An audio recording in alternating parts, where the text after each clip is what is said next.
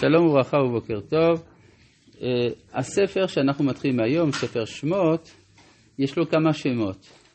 אחד השמות של ספר שמות זה ספר שני, ככה כתוב בספר השאילתות של רב החי גאון, ספר שמות נקרא ספר שני. ונשאלת השאלה מדוע. הרי אם נאמר בישו במקום השני, אז אם ככה היה צריך לכנות את ספר ויקרא, ספר שלישי, את במדבר ספר רביעי, ולא מצאנו שכך. רק לגבי שמות נקרא ספר שני, לכן היותר פשוט היא לומר שזה הספר השני של בראשית. כלומר, כמו שיש חלוקה של אה, הנוצרים אמנם, שמואל א', שמואל ב', דברי הימים א', דברי הימים ב', אז כך יש בראשית א', בראשית ב', וזה יוצא לפי זה שספר שמות אינו אלא חזרה על ספר בראשית. באיזה מובן הוא חזרה? הוא חזרה מצד הכיוון של תנועת החיים שבתוכו. ספר בראשית זה ממעלה למטה, כלומר הקדוש ברוך הוא בורא, הוא היוזם, ואחר כך התנועה, תנועת החיים שיוצאת מאת הבורא, היא הולכת ומגיעה עד, האר... עד ארונו של יוסף במצרים. כמו כן גם בספר שמות, שוב, זו פעולה של הקדוש ברוך הוא, שגואל את עמו ומשרה שכינתו במקדש. אז בסופו של דבר בראשית ושמות הם אותו הדבר, אבל יש הבדל ביניהם.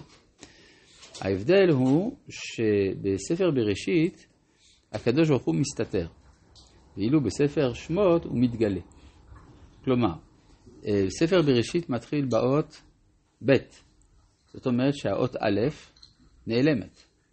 מובא במדרשים, גם בספר הזוהר, שכשהקדוש ברוך הוא ברא את העולם, האלף נפגעה, עמדה בצד ושתקה. מה פתאום אתה משאיר אותי בצד? אמר לה הקדוש ברוך הוא, אין בעיה, כשאני מתגלה, אתחיל בך, שנאמר, אנוכי השם אלוהיך.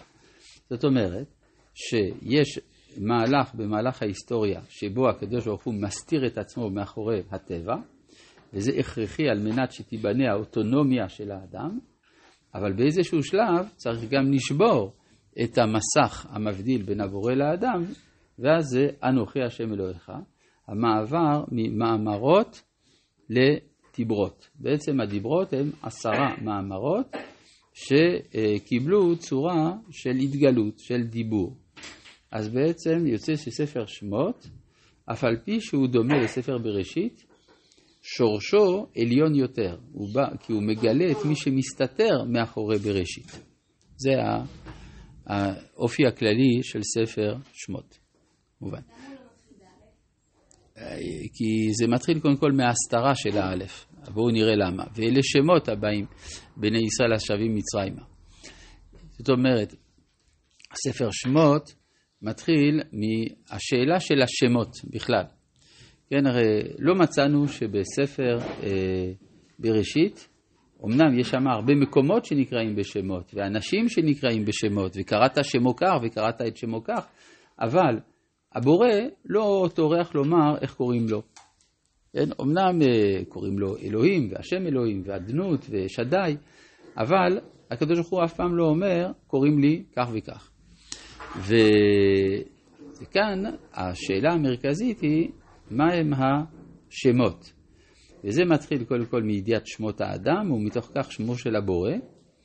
ולכן הסברנו בחדש, בפרשת ויגש שיש שמות בני ישראל היורדים מצרימה, אז השמות הם היורדים.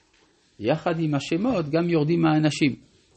כן? כלומר, אה, וזה החיפוש של האישיות שמסתתרת מאחורי העולם הסתמי. העולם הסתמי אין לו שמות. כל הבארות אשר חפר אברהם, סיתמום פלישתים, עשו אותם סתמיים. וכאן אנחנו צריכים לצאת מהסתמיות ולגלות את המגמה האישיותית, שזה השמות. בואו נקרא בפנים את הפסוק הראשון. ואלה, הוו של ואלה, הכוונה מוסיף על הראשונים. לעומת אלה תולדות השמיים ואת הארץ, שפסל את הראשונים. אלה תולדות השמיים והארץ, פסל את הראשונים, לומר שפסלנו את, ה, את הפעולה שבה הבורא לבדו פועל. ואחר כך נהיה תולדות השמיים והארץ, יש השותפות של האדם בהשלמת הבריאה. כמו כן כאן, ואלה שמות בני ישראל, זה המשך של המהלך ההיסטורי. לפי מה שלמדנו בספר בראשית, ההיסטוריה עכשיו יכולה להצליח דרך השמות של בני ישראל, ואלה שמות בני ישראל הבאים מצרימה את יעקב איש וביתו באו. יחד עם יעקב, איש וביתו באו ועם השמות. עכשיו, מה זה באים מצרימה? היה צריך להיות במצרים. אלא מצרימה הכוונה אל, בכיוון של מצרים.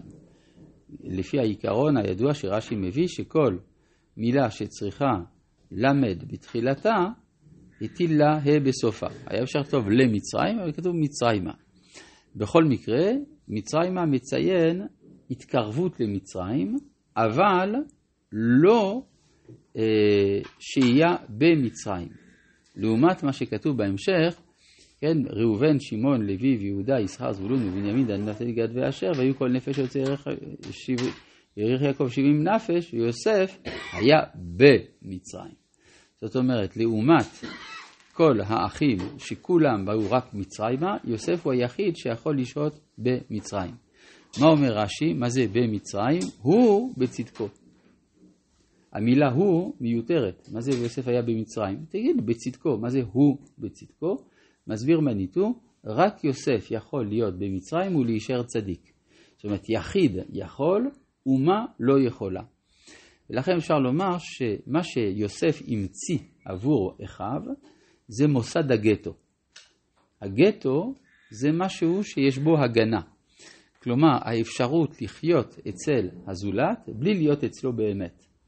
וזה מה ששמר על עם ישראל לאורך הגלות, ההסכמה לחיות במרחק מסוים מן ההוויה התרבותית.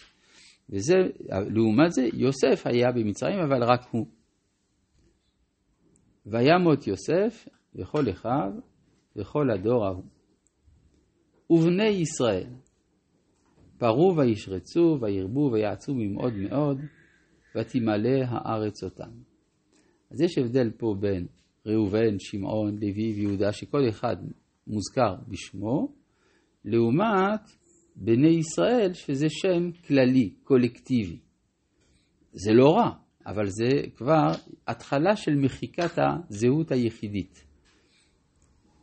ויעקב מלך חדש על מצרים אשר לא ידע את יוסף.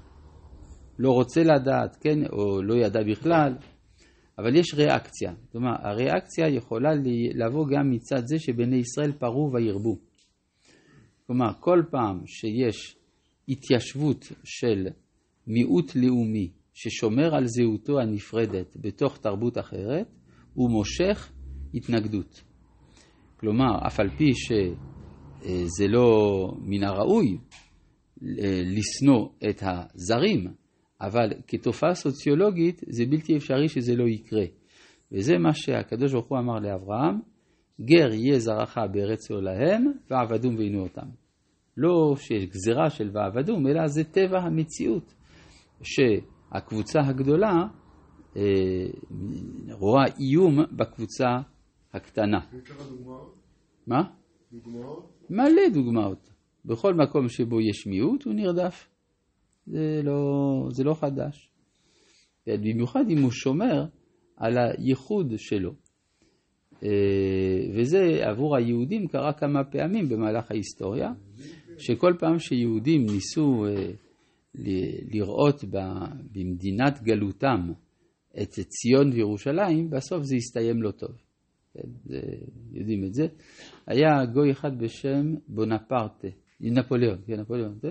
הוא אמר ליהודים, עליכם להתייחס אל פריס כאל ירושלים.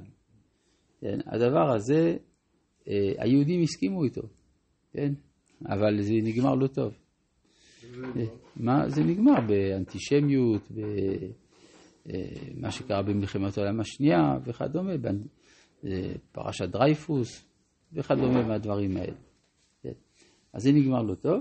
אז זה מה שכתוב כאן, אה, אה, שקם מלך חדש על מצרים שהוא לא רוצה לשמוע על יוסף. תמיד אה, בסופו של דבר הניסיון להעמיד אדם